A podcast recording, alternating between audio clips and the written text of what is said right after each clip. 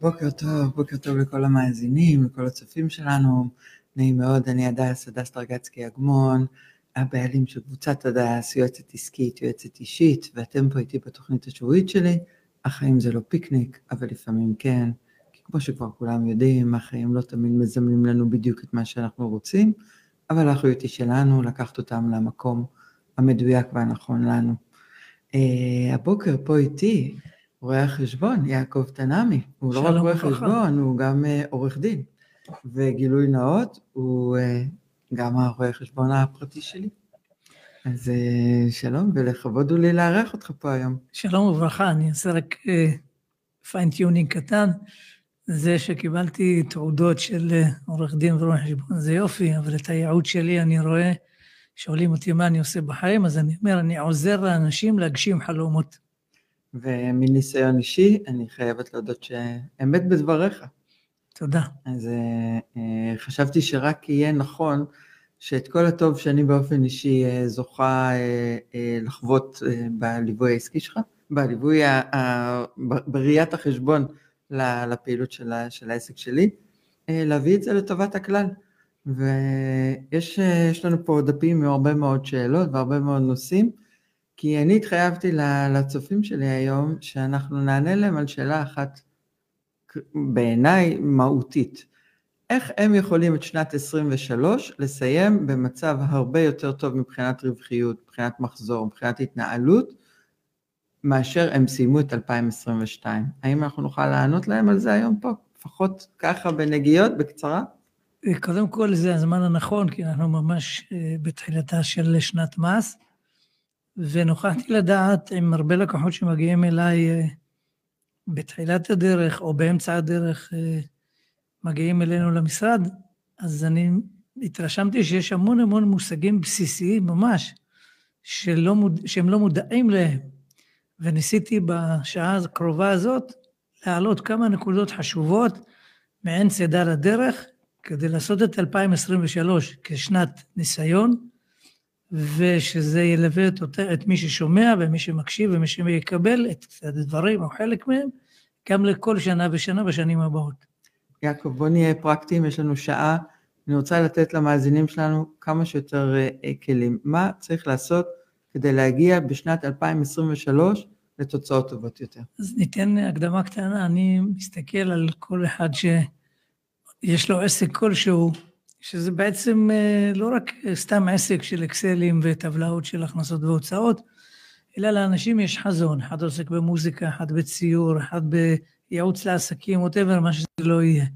העניין הוא שהמציאות היא קצת אכזרית בעולם הקפיטלי שלנו, בסופו של דבר אה, זה צריך להסתדר עם טבלאות מאוד משעממות ומעצבנות של אקסל. מה ההכנסות שלי, מה ההוצאות שלי, ו... צריך איפשהו לעשות איזון בין החזון האישי, שכל אחד רוצה, כל אחד מאיתנו בעיסוק שלו, מעניק לאנושות, אבל הוא גם גובה על זה כסף, שבסופו של דבר זה גם יספיק לו שהוא יוכל לישון בשקט, ולא רק שאחרים יוכלו לישון בשקט. אז באופן הפרקטי, מה שהייתי מציע הוא ככה, קודם כל שכל אחד יעשה הפרדה מוחלטת, כי להרבה עסקים ובפרט לעצמאים, עושים איזשהו ערבוב עם חשבון בנק אחד, גם של העניינים האישיים וגם של העניינים העסקיים. ולמה זה חשוב? למה זה כל כך חשוב לעשות את ההפרדה הזאת? כי כשאנחנו עובדים או מייצרים הכנסה כלשהי, יש זליגה של המקורות הכספיים. לפעמים הזליגה היא, אם אני הרווחתי בעסק לטובת העניינים הפרטיים שלי, שזה יכול להיות משכנתה, זה יכול להיות בגיהות לילדים, זה יכול להיות החלפת ריהוט בבית, מצד שני יכולה להיות גם זליגה הפוכה. אם חלילה חסר לי כסף בעסק, אז אני משחרר איזושהי תוכנית חיסכון, או ירושה או מתנה שקיבלתי לטובת העסק עצמו.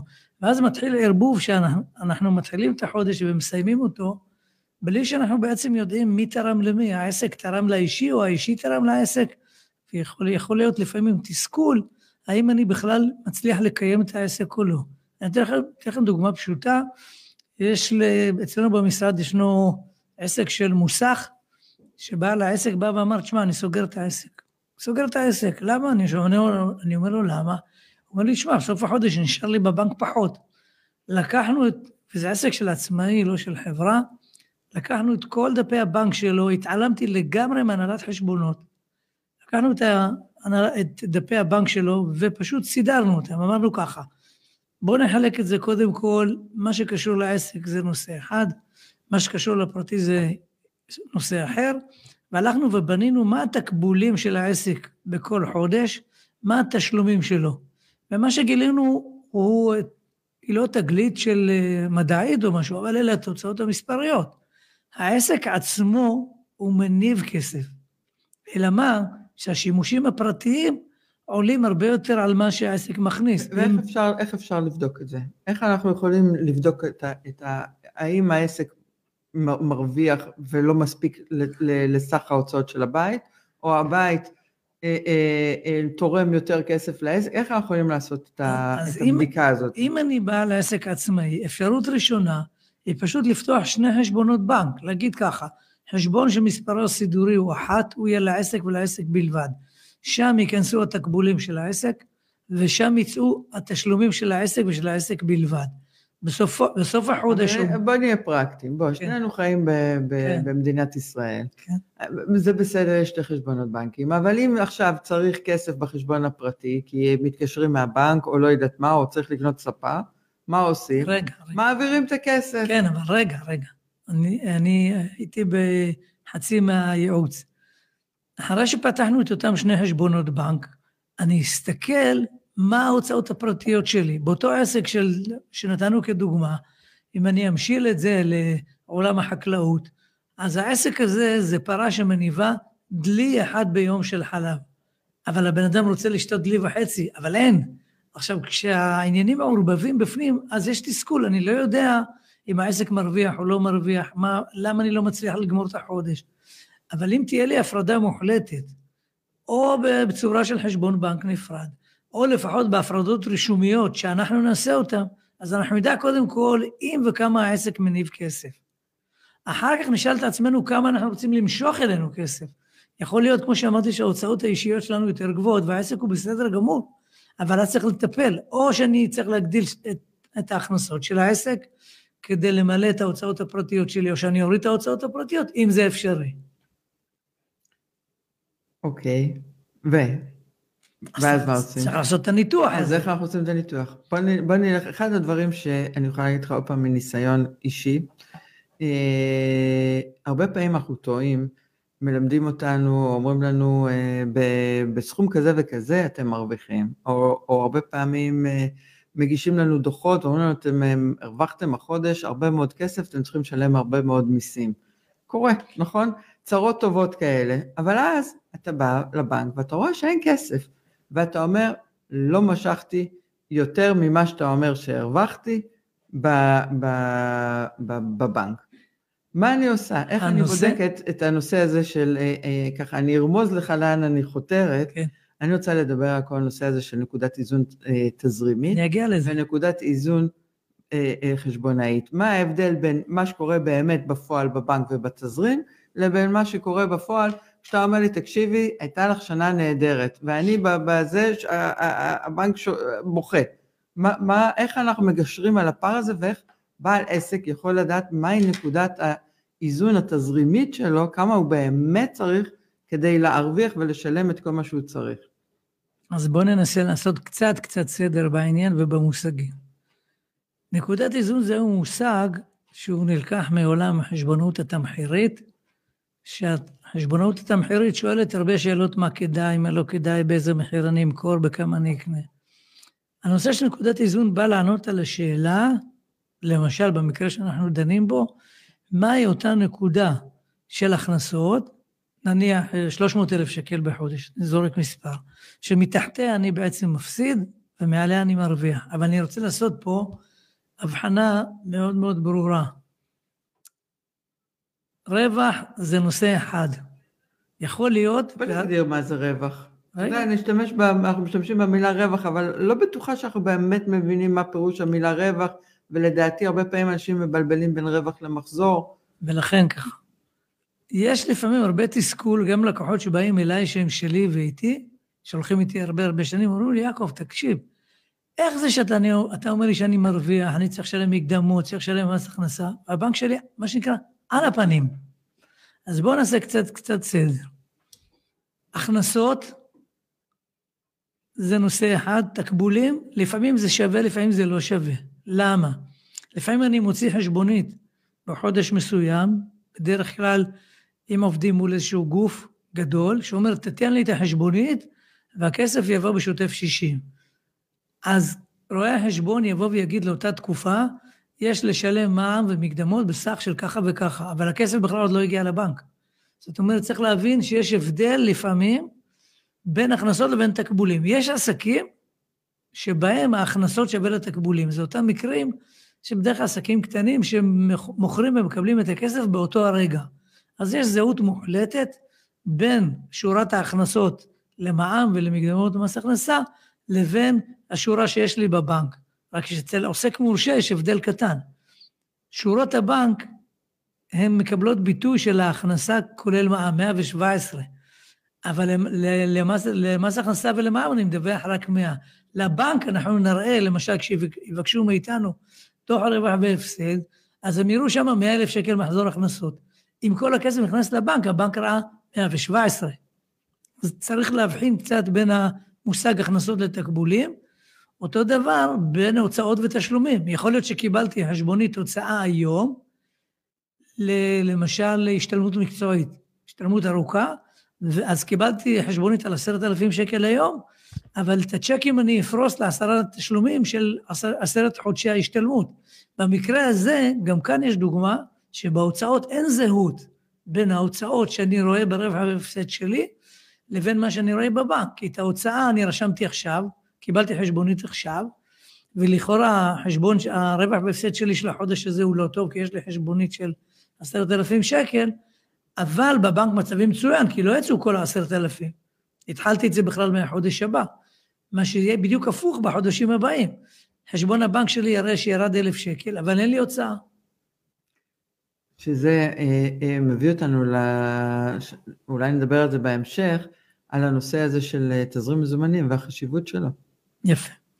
אז יש נקודת איזון חשבונאית. מה, בממוצע, אם אני לוקח 12 חודשים, אני אומר, בסך הכל, למשל, את הביטוח אני משלם. או שאני פורס או שאני לא פורס, כן נותן כרטיס אשראי, הוא משלם במזומן, לא משנה מה. בסך הכל, ב-12 חודשים אני אראה הוצאת ביטוח של עשרת אלפים שקל למשל. אז זאת נקודת הסתכלות אחת, היא נקודת אה, הסתכלות חשבונאית. אני אקח את כל השנה, 12 חודשים, אני אחלק ב-12 ואני אגיד לעצמי, בממוצע, יש לי הוצאה, הכנסות ככה וככה והוצאות ככה וככה.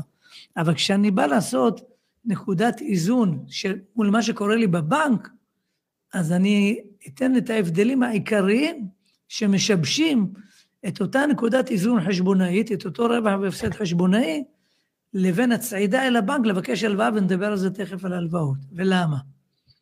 ברווח והפסד אני מודד את ההכנסות וההוצאות החודשיות שלי. קודם כל אמרנו לפני כן, נתונים ללא מע"מ, והכנסות והוצאות לפי הגדרה של הוצאות. אבל אם יש לי למשל תשלום חריג ששילמתי עבור רופא שיניים, אם יש לי החזר הלוואות, אם יש לי כספים ששילמתי עבור ריהוט או עבור מחשב שהחלפתי, יש כאן שיבוש. איפה השיבוש? נניח שקניתי מחשב במזומן בשלושת אלפים שקל. ברווח והפסד לא תהיה הרכישה של המחשב, משום שרכישה של מחשב או של שולחן או של כיסא הם רכוש קבוע, הם לא יופיעו בהוצאות השוטפות. הם יגיעו איפשהו בפחת בסוף שנה. אבל בבנק, שלושת אלפים שקל האלה בטח שירדו. ואז שואלתי ממנהל הבנק, תגיד, אתה מראה לי פה רווח והפסד של שלושת אלפים. אני רואה אצלי בתזרים אפס. אני אומר לו, נכון, כי שילמתי עבור רכוש קבוע. אז צריך קצת להיזהר. עכשיו, בתשלום עבור רכוש קבוע זה עוד איכשהו משהו חד פעמי, מקסימום פרסתי את זה לשניים שלושה תשלומים. אבל אם לקחתי הלוואה לרכישת מכונה לעסק, או רכב, שזה פופולרי, רכב לעסק, טנדר לעסק, ושילמתי את זה ב-36 תשלומים של 2,000 שקל. אז ברווח והפסד שלי, יכול להיות שאני אראה 2,000 שקל רווח כל, לאורך כל השנה, באקסל שעשיתי לעצמי. אבל בבנק אני אראה אפס, משום שאחרי ההוצאות שיש לי, יש לי גם תשלומים עבור החזר ההלוואה. אני ברשותך הייתי רוצה לחדד את זה עוד טיפה. כן. ותתקן אותי, ת- תגיד לי אם אני מדייקת במה שאני אומרת. אחד הדברים שבעיניי מאוד מאוד חשובים להבין, ולפחות אני ככה מנסה גם לעצמי וגם לעסקים שאני מלווה, זה למצוא את נקודת האיזון שדיברנו עליה מקודם. מה זה אומר נקודת האיזון? נקודת האיזון זה מאיזה סכום של, של מחזור, של פעילות, אני מתחילה להרוויח, נכון? השאלה אם את מדברת על אני מדברת כרגע על... נקודת על- איזון תמחירית או איזון- נקודת איזון בנקאית, אני- כספית. לא, אני מדברת את כרגע ההבדל. על, על אה, תמחורית בספרים. הספרים למי? למס הכנסה או לבנק? כן, ל, ל, ב, מול רווח והפסד. טוב, קודם כל יש, אני טוען שאין מושג כזה רווח והפסד, יש מושג רווח והסבר. או שאתה מרוויח או שאתה צריך להסביר למה לא הרווחת. יפה, אהבתי. אה, כן, אז נניח והגענו, נניח שהתשובה היא, אני בעשרת אלפים שקל, אה, אה, כל שקל מעבר, כמו שאמרנו מקודם, זה כבר מתחיל להיות לטובת הרווח, סיימנו לשלם את כל הקבועות ואת כל הדברים ש, שב- ש, שצריך אה, לא, לשלם. אני? אני רוצה לעשות קצת סדר. אוקיי. אני, חודש מ- מייצג כלשהו, 100 אלף שקל הכנסות, ונניח 60 אלף שקל הוצאות, יש לי 40 אלף שקל. רווח, אה, רגע, ר- רגע, זה הרווח החשבונאי, החשבונאי, אני מדברת כרגע על רווח חשבונאי. כן? עם זה אני עוד לא יכול לצאת לאוויר העולם, ולמה? יש לי מע"מ לשלם, יש לי מקדמות אבל מס המע"מ- הכנסה. המע"מ לא קשור, כי המע"מ הוא אנחנו רוצים, בחוץ. כן, אנחנו רוצים להגיע בסופו של דבר לבנק עם חיוך, נכון? אז אני לא רוצה להשלות את עצמי וגם לא את הלקוחות שלי. אני אחשב את הרווח, ואני אגיד, רגע, שנייה, מע"מ אתה צריך לשלם ככה, אבל, אבל סליחה שאני שואלת אותך שאלה, כן. שאני באמת לא, ככה בתום לא מבינה למה הכנסת עכשיו את המע"מ. אם אנחנו עושים את כל הפעולות האלה בלי מע"מ, והמע"מ בחוץ, אז הוא גם לא רלוונטי בשורת הרווח. זה נכון. אז גם אם תוציא את המע"מ החוצה, מחכה לך מס הכנסה. כן, אבל גם ההכנסה שלו מחכה לי בחוץ. רגע, מס הכנסה כביכול לא מחכה... כסף שלקחתי אותו אבל בכלל. תזרים, כן, אבל זה תזרים שאני צריך להוציא מתוך הרווח.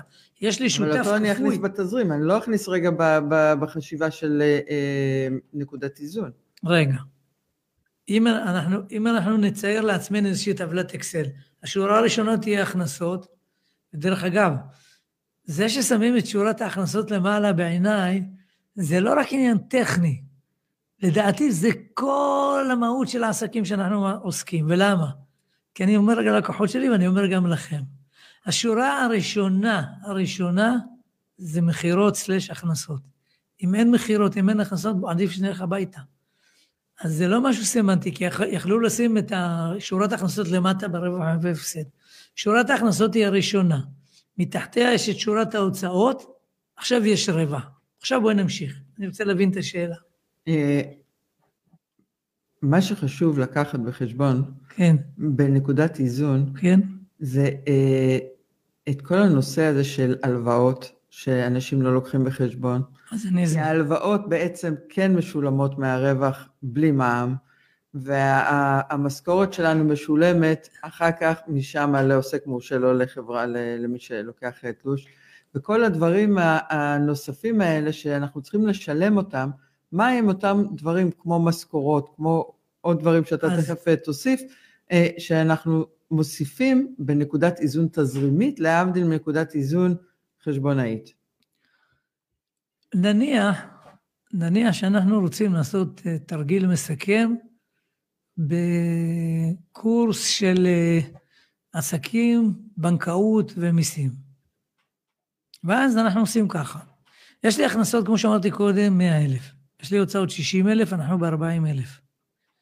עכשיו, אם אני צריך לשלם להחזר הלוואה, קרן, אני לא מדבר כרגע על הריבית שיכולה או לא יכולה לעלות למעלה בהוצאות, נניח שזקפנו כבר את הריבית ברווח והפסד. אם יש לי לשלם אלף שקלים, החזר הלוואה. השאלה היא, התשובה לשאלה שאני אשאל היא מאוד מאוד אכזרית. כמה כסף אני צריך למכור כדי שאני אהיה מסוגל לשלם אלף, אני לא מדבר על מיליון, כדי שאני אהיה מסוגל לשלם אלף שקל קרן לבנק. למה השאלה הזאת חשובה וקריטית? משום שכדי שאני אהיה מסוגל לשלם את האלף שקל החזר הלוואה, זה צריך להיות כסף אחרי שילמתי עליו את המס, את הביטוח הלאומי, וגם מ-2017 אצל העצמאים את הפנסיה. זאת אומרת, אם יש לי 100 אלף הכנסות, 60 אלף שקל הוצאות, יש לי 40 אלף שקל רווח, מזה אני צריך לשלם מקדמות מס הכנסה וביטוח לאומי ופנסיה, ואז יש לי רווח נטו נקי, מזה אני יכול לשלם את האלף שקל הלוואה. לפעמים, לפעמים ישנם כל מיני סוגים, סוגים של עסקים עם מתמטיקה עסקית, כל אחד עם העסק שלו. לפעמים כדי להחזיר אלף שקל מסכנים לבנק, צריך לייצר למעלה בהכנסה, לפעמים זה חמשת אלפים שקל, כן, מה שאתם שומעים. כדי שאני אהיה מסוגל לשלם אלף שקל הלוואה בבנק, אני צריך לייצר בשורת ההכנסות למעלה חמשת אלפים שקל, כי יש לי קניות, בשביל לייצר את תוספת האפשרות לשלם. נקי. ברור, כי, כי אני זה- צריך... כי ההלוואה זה מהרווח הנקי. ברור, אחרי מס, אחרי הכל. כי נניח... לדעתי פה הרבה מאוד נ- עסקים נופלים. כי הם, הם לא מבינים שבשביל לשלם אלף שקל זה לא עוד אלף שקל מהמחזור, זה אלף שקל מהרווח אחרי מיסים. ואצל העצמאים, מי שנמצא, מה שנקרא במעמד הביניים, שהוא נמצא במס שולי 31 אחוז, ביטוח לאומי 18 אחוז, ופנסיה של עוד 12.5 אחוז בשוליים, תשימו לב, לפעמים אני צריך, אה, כדי לייצר שקל נטו, אני צריך לפחות חמישה שקלים לממן את כל ההוצאות, עובדים, משכורות, ארנונה, חומרי גלם, מס הכנסה נוסף, ביטוח לאומי נוסף, פנסיה נוסף. לפעמים בעוגה של תמחיר שאנחנו עושים, כדי לשלם אלף צריך חמש, או לפעמים יותר, לפעמים פחות. כל עסק והמתמטיקה שלו. אבל חשוב לדעת מהי המתמטיקה בעסק שלכם. וזה מאוד פשוט, וזה זה, זה נוסחה פשוטה שאפשר פשוט לה- להקליט את הנתונים בתוך הנוסחה ולהגיע לתוצאה שלה. אז אה, אה, חשוב שתכירו את המונחים, חשוב שתכירו את, ה, את, ה, את האופציה שיש ממש פעולה פשוטה כדי לגלות את המספרים האלה, שעושים הבדל מאוד משמעותי, כי אנחנו יכולים לבנות, אפרופו חזון שדיברת בהתחלה, יכולים לבנות תוכנית יעד. אם אנחנו יודעים שאנחנו צריכים להגיע לסכום מסוים כדי למשוך משכורת X שאנחנו רוצים, כדי לשלם את ההלוואות הפרטיות, כדי לשלם את ההלוואות של העסק, כדי לשלם את כל הדברים האלה, אנחנו חייבים לדעת מהו אותו סכום, ולא לעבוד אה, אה, על, על, על מה שיצא אני מרוצה, אלא לתכנן את זה. ללקוחות שלי אני הרבה פעמים אומר, קיבלת אלף שקל, 40 שקל, 40 אחוז תשים בצד, זה לא שלך, אתה סתם גובה. אתה סתם גובה. אתה, אתה גובה- השליח של הגבייה. ברור, ברור. מס הכנסה יגיע, ביטוח לאומי יגיע, מע"מ יגיע, פנסיה יגיע, הכל יגיע. אז אם תכניס לעצמך בראש שמתוך 100 שקל שקיבלת, 40 הוא לא שלך, כי ה-15 לחודש בוא יבוא. עכשיו, אם כולנו היינו מדווחים כל 15 לחודש, אז פחות או יותר כל אחד היה נכנס לרוטינה. ואנחנו מכירים את הדבר הזה. ש...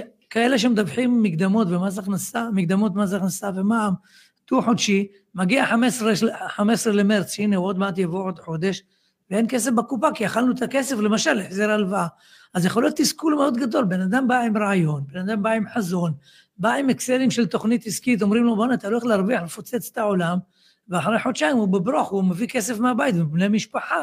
למה? כדי לכסות רק את המע"מ ואת המס- מס הכנסה שיש לו בפנקסים.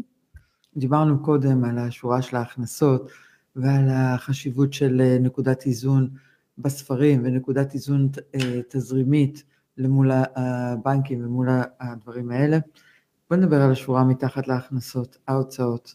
אני רוצה דווקא להקדים וכן להתייחס לשורת ההכנסות ברשותך. אין בעיה. להוצאות נקדיש. עוד מעט. אני- אני איתך. אה, כמו שאמרתי קודם, השורה הראשונה, שאיתה בכלל מתחילים את כל העסק, זה ההכנסות. אה, הרבה עסקים, בעיקר מתחילים, כן? והיום אני רוצה להגיד לכם שהאפשרויות היום לייצר הכנסות היא אינסופית. עם כל כלי המדיה המשוכללים היום, בן אדם יכול ללכת לחוף הים, להחזיק את הטלפון הנייד ולמכור גרביים משומשות. ממש ככה. לא צריך פסיליטיז כמו פעם, חנות, שישר לחשוב על איזה 15,000 שקל הוצאות קבועות. היום מהטלפון הנייד אפשר לעשות הכל. למה השורה הראשונה היא הכי הכי הכי חשובה?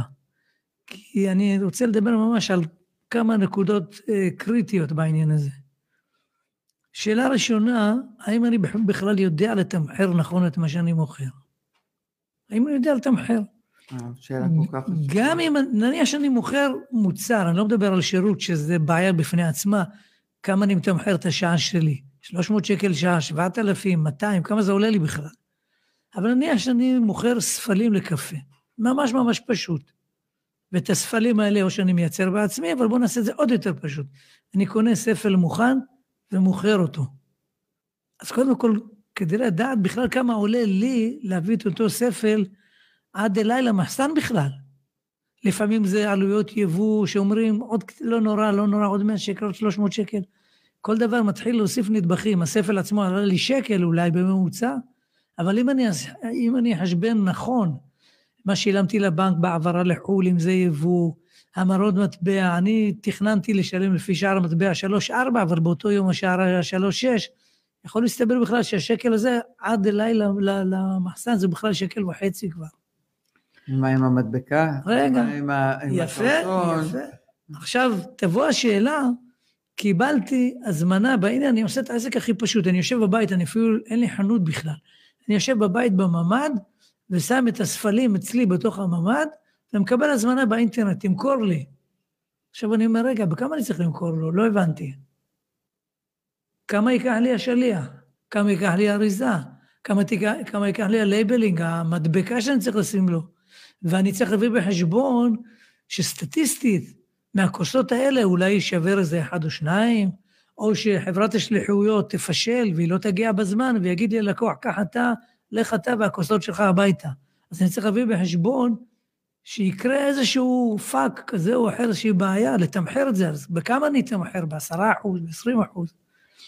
אז, ואם אני מתחיל לגדול, ואני אומר, טוב, עכשיו אני צריך מחסן ואני צריך עכשיו פועלים, אז אם קודם הייתי קונה את הספל הזה בשקל ומוכר אותו בשני שקל ואומר, השקל אצלי בכיס, מכרתי 20 ספלים היום, אני יודע שיש לי 20 שקל רווח. אבל אם פתאום יש לי עובד, ואם פתאום יש לי גם הנהלת חשבונות שהוצאתי החוצה, כי אני כבר לא יכול לעשות את זה לבד, ואם uh, פתאום יש לי שערי חליפין שהשתנו לגמרי, הורו את תקופת הקורונה עם המחירים המשוגעים של מטבע חוץ, ואם פתאום הובלה שעלתה לי 2,000 שקל לקונטיינר, היום זה 10,000 שקל, איך אני, אני אראה ללקוחות שלי, רוצה להציג מחיר אחיד, אבל אני לא יכול. אז התמחור הוא לב ליבו של כל העסק, בכמה בכלל אני מתמחר. המחיר של המוצר, זה חלון הראווה שלי ללקוחות. זה חלון הראווה. ומה היית מציע להם לעשות בתמחור? איך היית מציע להם אה, אה, לגשת לזה בכלל? קודם כל, להיות ריאלי לנתונים. כמו שלא לא לפעמים... לנסות לשכנע את האקסל. אתה יודע, אחד הדברים שאני נו, האקסל סובל הכל. בתחילת הדרך, ו- ואני רואה את זה גם אצל בעלי עסקים, מנסים לשכנע את האקסל, למה אפשר להוריד קצת את המחיר. הבעיה היא אחת. בוא- הבעיה היא אחת, שמנהל הסניף בבנק לא מתקשר לאקסל, הוא מתקשר אלינו. זה הבעיה. והלוואי והיה מתקשר לאקסל, הייתי שמחה לשלוח אותו לשם לפעמים. כן. עוד מעט נדבר על ההוצאות ונסדר אותן, איזה סוגים, איך אני יכול לסווג את ההוצאות ואיך זה קשור לעסק, אבל אם אני, אם אני מתייחס כרגע לתמחור הנכון, יש המון המון המון פרמטרים שצריך להביא בחשבון עד שאנחנו בכלל קובעים מה יהיה מחיר המכירה. מחיר המכירה זה חלון הראווה, בכמה אני מוכר את התוצרת שלי, בין אם זה ספל ובין אם זה שעת ואם ייעוץ. מישהו בא ואומר לך, תקשיב, הספל הזה לא יכול להימכר- יותר מחמישה שקלים, אבל לפי מה שאתה, אנחנו עושים את כל מה שאתה אומר, והוא עולה שבעה שקלים. ובא אליך הבעל העסק ואומר לך, אבל יעקב, הוא לא יימכר, זה המחיר שוק שלו, חמישה שקלים. איך אני אמכור אותו בשבעה? האקסל אמר לי למכור בשבע כדי שאני ארוויח. תראו, אז אני פה נאלץ קצת לספר משהו אישי. בעברי, אני באופן אישי עשיתי כל מיני סוגים של עסקים, קודם כל בגלל סקרנות, לא בגלל תאווה לכסף. רציתי פשוט להת- להתנסות בעצמי באיך איך אלה שיושבים מולי, מה הם חווים. והייתה תקופה שהבאתי, אה, הבאתי אני אגיד לך איך זה קשור לשאלה שלך. הבאתי מיפן בית מלאכה לעבודות אומנות בזכוכית. ככה. והנושא שאת מדברת עליו, הוא נקרא בשפת המקצוע, בחשבונאות התמחירית, פוזישנינג. זה נקרא, בעברית התרגום הוא מיצוב. מה זאת אומרת? יש לידי חוברת. אני לא יכול להראות את זה- בטלוויזיה, נניח שאני רוצה לייצר את החוברת הזאת, ולא משנה כרגע מה יש בה. אני אעשה, אני אשב עם התמחירן המומחה ביותר בעולם, ונגיע למסקנה שהחוברת הזאת עולה 15 שקל עלות, ואנחנו מציעים אותה במחיר צנוע של 20 שקל לצרכן. מה שאומרת הדס הוא דבר מאוד מאוד מאוד נכון וקריטי, שכדאי לדעת אותו הרבה הרבה מראש לפני שאנחנו בכלל מוציאים את השקל הראשון. ולמה? יכול להיות שאני חושב שאני מציע את החוברת ואני עושה טובה לאומה, בזה שאני מבקש להרוויח רק חמישה שקלים, עשרים, ועולה לי חמש, עולה לי חמש עשרה. אבל חוברות דומות נמכרות בשישה שקלים. במקרה כזה, של פוזישנינג כזה, אין היתכנות כלכלית למוצר שלי, וכדאי להוריד אותו מהראש ולשים את המוצר הזה שיש לנו בראש שקוראים לו חזון, להפנות אותו למשהו אחר, עם כל הצער והכבוד. אז פה אני אה, אחלוק עליך, כי אתה יודע, אני לא באה מעולם הכספים, אני באה מעולם היזמות, ואין רעיון שאנחנו לא יכולים לארוז אותו אה, זה. אז במקום למכור רק את הספל ב-20, הייתי מוכרת את הספל עם קפה שעולה לי ב... לא יודעת מה, בשבעה שקלים, ואיזה כפית מיוחדת, ואיזה כוס טרמית, ועושה מזה כבר בכלל מארז, ויוצאת מההשוואה של השבעה שקלים לחמישה שקלים, ואז בונה משהו שאני יכולה למכור אותו במחיר הריאלי ש... של התמחור הזה. מה, זה כבר... ולוקחת את זה ומערבבת את היוצרות. אז זה כבר מוצא. זה לא, אז אני לא מאמינה שאין אופציה. אז זה אני רק כבר- אומרת צריך לשבור את הראש, מהי האופציה הנכונה. אז את נכנסת, תראה, את שואלת אותי שאלות, לא, אתה יודע, אני בא בכובע שלי של היזמות. לא, זה בסדר. אני לא יכול אה, לא, לקבל את העולם הכספים as is. אז, אה, אני אגיד לך, אז אני אגיד לך לאיזה מושג אנחנו נכנסים פה. יאללה. אנחנו נכנסים למושג, ואני אשתמש במושגים באנגלית לא בשביל, לא בשביל להשוויץ, אבל אלה המושגים המקצועיים. יש cost ויש value. אומרת אה, תורת השיווק ב, ב, את הדבר הבא, כדי שבכלל יתקיים, תתקיים איזושהי עסקה בין קונה למוכר, חייב, אבל חייב להיות, חייבת להיות הנוסחה, פרט למקרים חריגים, אני אומר פרט למקרים חריגים, סוף עונה וכאלה, שה-value עולה על ה-cost. למה? למה אני צריך? למה אני צריך? את הביטויים, כי... cost זה עלות מבחינת כסף, כמה עלה לי לייצר את זה, ו-value זה הערך ללקוח. אוקיי. הערך ללקוח. כל עוד שעולה לי לייצר את העט הזה חמישה שקלים, ואני, מצ... ואני מצליח למכור אותו בשבעה שקלים, שימו לב מה קרה באותו רגע. באותו רגע שהלקוח הוציא את השבעה שקלים עבור העט הזה, שעלה לי חמש, באותו רגע שהוא עלה, שהוא שילם לי שבעה שקלים, הלקוח פסיכולוגית, בפסיכולוגיה שלו, הצהיר שבשבילו הערך, הערך הוא שבעה שקלים לפחות, עובדה שהוא הסכים לעשות איתי חליפין. מה החליפין שעשה איתי הלקוח? הוא הוציא שטר של שבעה שקלים, נניח שיש כזה, והסכים להביא לי נייר תמורת פלסטיק. עכשיו, מה מכרתי לו בכלל? מכרתי לו, לא, בעצם לא מכרתי את העט. מכרתי ללקוח את היכולת לכתוב לי מכתב או לרשום לי צ'ק. זה מה שמכרתי לו. כל עוד שהערך ללקוח הוא גדול מהעלות, אמורה להיות עסקה. מה שאת אמרת הוא ככה, הספל הרגיל והפשוט, הוא לא יכול להימכר במחיר שלך. תגיד מה שאתה רוצה, הבאתי את החול מצ'כיה ועשיתי את זה בתנור, זה לא מעניין את הלקוח. הוא רואה את הספל הזה, הוא לספל שיש לו באחת מהרשתות של סוף עונה, הוא אומר, למה אני צריך לשלם שבעה שקלים? אני קונה את זה בחמש, אני קונה את זה בשלוש. והלקוח צודק. אז באה הדס ואומרת, רגע, רגע, רגע, בוא ניקח את אותו ספל, נעשה איתו משהו אחר, תוספות כאלה או אחרות, ובעצם מה אנחנו נעשה? נעלה את הערך שלו בפני הלקוח, כך שבסופו של דבר ה-value, הערך של הלקוח, מול אותו מוצר משופר ומעודכן שעשיתי, שווה לו. יעשה עסקה, כן, ברור. אה, חשוב. יפה. עכשיו אני רוצה לנגוע בנושא של שורת מכירות. ב... והוצאות. במוח... רגע, אה, רגע, רגע, רגע, מכירות, רגע, לא, לא, לא, מכירות לא, זה לא, משהו אחר. כן. לא, לא, לא, לא, נגיע, נגיע. נראה לי שאין כי נראה לי שזה כבר יהיה לתוכנית הבאה. לא, לא, לא, בסדר. כי אנחנו כבר קרו- קרובים לשיא. אין בעיה, אבל אני חייב ל... אני, אעדיף. אני אעדיף להתמקד בהכנסות, בשורת ההכנסות, אני איתך. כי זאת השורה המנצחת. יאללה, אז נשאר בה. יש נושא נוסף. עכשיו שימו לב, אני הולך לנושא שקוראים לו בשיווק, בתורת השיווק, המתמטיקה של השיווק. מה זה המתמטיקה של השיווק? אם, נניח מקרה של אותו ספר שנתתי דוגמה, אני אה, מוכר אותו בעשרה שקלים והוא עולה לי שבע. אם הוא עולה לי שבע, אז יש לי רווח של שלוש, נכון? נכון. כמה הרווח שלי? באחוזים, 110? 30 אחוז. 30%. יופי. עכשיו אני רוצה להגיע, ל...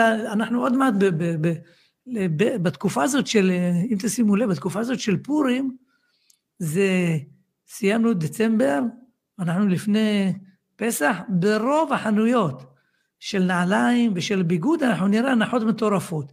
אם זה סוף עונה, ויקראו לזה קולקציה, יקראו לזה מה שהם רוצים. איזה שלט אנחנו נראה? הנחות. עכשיו תשימו לב את האכזריות של ההנחות, אני אומר את זה במפורש. בואו ניקח את אותו ספר של עשרה שקלים, שאם הצלחתי למכור אותו ועלה לי שבע, אז אני מייצר למטה שלושים, שלושים אחוז רבע, אני מייצר שלושה שקלים רבע. בואו נעשה תרגיל. אני רוצה לתת הנחה של עשרה אחוז, זה הכל. עשרה אחוז. כמה יעלה לי, אני, זאת אומרת, אני מוכר את הספר במקום בשבע, אני מוכר אותו ב-6.3. אז את המחיר לצרכן, אני הורדתי... רגע, רגע, רגע, אני רוצה להבין עוד פעם, הלכתי לאיבוד? מכרתי, סליחה. אתה רוצה... מחיר המחיר... מהמחיר מכירה, לא מהמחיר זה שבעה נכון. שקלים, זה אין... אה- אז אני רוצה לעשות מספר שיהיה לי קל במתמטיקה.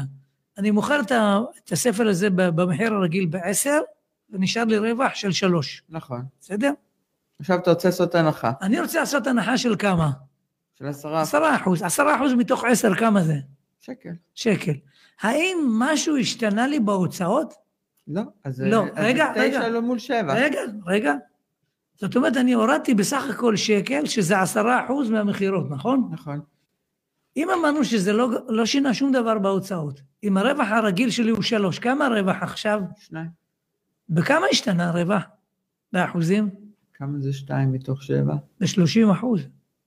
זאת אומרת, הנחה של עשרה... 30 אחוז, הנחה למעלה של 10 אחוז, זה 30 אחוז מלמטה. ו-30 אחוז מלמטה. עכשיו בוא ניקח מקרה יותר אכזרי.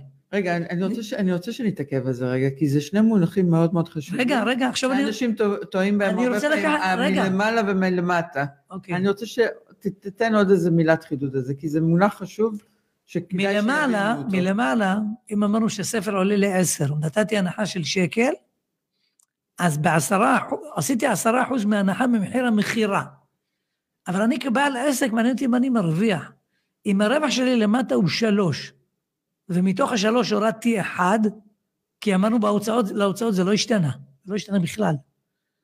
אז ירד לי שקל מתוך שלוש, זה שלושים ושלושה, פגעתי ברווח בשלושים אחוז. עכשיו בואו ניקח מקרה יותר אכזרי, בתעשייה עתירת הוצאות. נניח שהספר הזה שאני מוכר אותו בעשרה שקלים, ההוצאות, מה לעשות, גדלו, ובלתי צפויות, הוצאות בלתי צפויות, כמו שקורה עכשיו נניח בעולם שלי, בעולם ונהיה ונהיה לי הוצאה של-. ונהיה לי הוצאה של תשע. אז עכשיו, אם אני מוכר בעשר, כמה הרווח שלי למטה? למטה או למעלה? למטה, הרווח למטה. אני אומר, אני נותן לך נתון. המחיר נשאר קבוע עשרה שקלים. ההוצאות שלי עלו משבע לתשע. כמה אני מרוויח עכשיו במקרה זאת רגיל? אומרת, במקום שלושה שקלים אתה מרוויח שקל. יופי. עכשיו, אני נותן הנחה, עשרה אחוז. בכמה הקטנתי את מחיר המכירה? בשקל. בכמה הקטנתי את הרווח? אפס עכשיו אתה זאת מרוויח. אומרת, במאה אחוז קטלתי את הרווח. ואני רוצה כאן להזהיר, עסקים זה ואני להם? רוצה כי- להזהיר- כי מה קורה? כי המחירים עולים, הספקים עולים, אנחנו לא יודעים שהמחיר עלה, אנחנו נשארים עם אותו מחיר מכירה כי, כי זה כביכול מחיר השוק, והתרגלו אלינו וזה, ואנחנו לא רוצים להעלות מחיר, ועוד אנחנו רוצים לעשות איזה הנחת כמות, או איזה הנחת, אה, אה, רק תעזרו לי עם התזרים כדי לבוא לבנק עם קצת כסף, ואז אנחנו בעצם מגיעים לעצמנו ברגל. שאומרת אפס במקרה הטוב, מינוס במקרה הפחות טוב. ולכן, במקרה של העשרה שקלים עלות, אה, מכירה, תשעה שקלים עלות, נשאר לי שקל, אם עשיתי 20 אחוז הנחה, לא רק שלא הרווחתי, הפסדתי שקל. הפסדתי במו ידיי, הפסדתי במו ידיי. בלי שהבנתי בכלל שהפסדתי. אני, אני לא מבין שאני יורה לעצמי כי ברגל. אנשים לא, לא מסתכלים על הדברים מלמעלה ומלמטה, ברור. מסתכלים על זה רק מלמעלה, וזה נראה להם, אוקיי, עדיין יש לי פה רווח, אז אני נשאר עם זה. ולכן, לכן אם דיברנו קודם על לעשות תוכנית עסקית ולעשות תחזית, למשל עכשיו, כל אחד יישב בסוף השבוע ויעשה תחזית לדצמבר, אז האקסל לא יגיד לנו את זה, אבל אני אגיד לכם. הכנסות בדרך כלל, בדרך כלל, אם אין איזו הפתעה או פריצת דרך, הן יהיו יותר נמוכות ממה שצפינו, לא בגלל שאנחנו לא בסדר, כי כך טבעו של העולם, וגם יגיעו גם בתזרים הם גם הגיעו באיחור קצת. כי יכול להיות שאני אספק למישהו מוצר, הוא יגיד לי, שמע, יש לי צ'ק אבל דחוי. אז זאת, זאת תכונה ראשונה. תכונה של ההוצאות היא תכונה הפוכה. ההוצאות בדרך כלל הם יעלו יותר מהצפוי, וגם, וגם חלק מהם יגיעו מוקדם מדי מהצפוי. פתאום יש לי דוגמה פשוטה, פתאום המחשב לא עובד. נו, אז אני יכול לעשות באקסל הוצאות מחשוב 100 שקל לחודש, אבל פתאום יבוא לי בומבה של איזה 200-300 שקל. אז כשאנחנו עושים את האקסל שלנו, את התוכנית, בהכנסות, תתכננו קצת למטה וקצת דחוי לקבל אותם, ובהוצאות, מה שחשבנו, בואו נוסיף קצת וגם נקדים קצת. עכשיו, הנושא הנוסף שאני רוצה לנגוע בו ב, ב, בנושא ההכנסות, הוא ככה. כשאנחנו מקבלים חשבון חשמל, ויש בו איזו סטייה בלתי צפויה, או שסיכמתי עם הספק שהמוצר יעלה לי שקל ליחידה ועושה לי שקל ועשרה, אני אתקשר אליו, אני אדבר איתו, למה עשית לי ולמה זה עלה, ואני אשב כל סוף השבוע לבדוק למה ההוצאה עלתה. אני אומר לכם, ב-99% מהמקרים, כשאנחנו מוכרים, אנחנו שוכחים. שגר ושכח. הלקוח ישלם, לא ישלם, שילם מה שרציתי, לא... חבר'ה, כבר הוצאנו הוצאות, כבר שילמנו לבנק, כבר שילמנו לרואה חשבון, כבר הוצאנו את כל ההוצאות, כולם, כבר פרנסנו את כולם. הדבר הכי חשוב והקריטי באותה שורה אכזרית של הכנסות, חבר'ה, תטפלו בגבייה, תראו מי חייב לכם, כמה חייב לכם. יש אנשים שמתפרנסים רק מסדנאות של גבייה. תסתכלו, מי שחייב לכם כסף, לא משנה, מלא, נשאר יתרה או לא יתרה. נתנו דוגמה, סתם לדוגמה, בספל שעלה לי עשר, ההוצאות שלי שבע ושלושה שקלים רווח. אם לקוח חייב לי שלושה שקלים, לא הבאתי את הרווח הביתה, הרווח נמצא אצלו, וככל שחוב לא, נמצא... זה, זה, זה, זה עשרה שקלים נמצאים אצלו, וכ... כי גם לא, אתה אפילו... שילמת את השבעה שקלים. גם אם הוא נתן לי מקדמה... אבל ש... אתה שילמת את השבעה שקלים, זה... ולא הבאת את הרווח הביתה. אני... גם אם הוא נתן לי שבעה שקלים מקדמה, הרווח נמצא אצלו, בכיס. וככל שאנחנו בני אדם, ככל שחוב מתיישן אצל הלקוח, ככל שיעבור הזמן, הסיכון לגבות את הכסף הולך ועולה. אז חבר'ה, שימו לב, גם בתמחור, גם בהנחות וגם בגבייה, שהגבייה תהיה בבית ולא בוו. וואו, תנאמי, אני חושבת שהבאנו פה נושאים חשובים. ואני רק ברבע... ואנחנו רק עוד לא התחלנו בכלל. אני ברבע מהניירת. אמ, אז אנחנו נכתוב להם פוסטים בפרופיל. ואתם מוזמנים אה, אה, לעקוב אחריי בפייסבוק, אני אחזור על זה, הדס דרגצקי אגמון באנגלית, או הדס חדש דרגצקי אגמון בעברית, ויעקב תנעמי, לא? הם יכולים, אני מציע למאזינים לשלוח שאלות אם הם רוצים, אנחנו נשתדל לענות. נשמח לענות, ותכתבו לנו, תשאלו אותנו, ואנחנו פה בשביל לעזור לכם, וזה חשוב לשנינו מעומק הלב, אז... Uh, תשתמשו בזה ותשאלו, כי אנחנו פה באמת עם המון המון רצון לעזור לכם.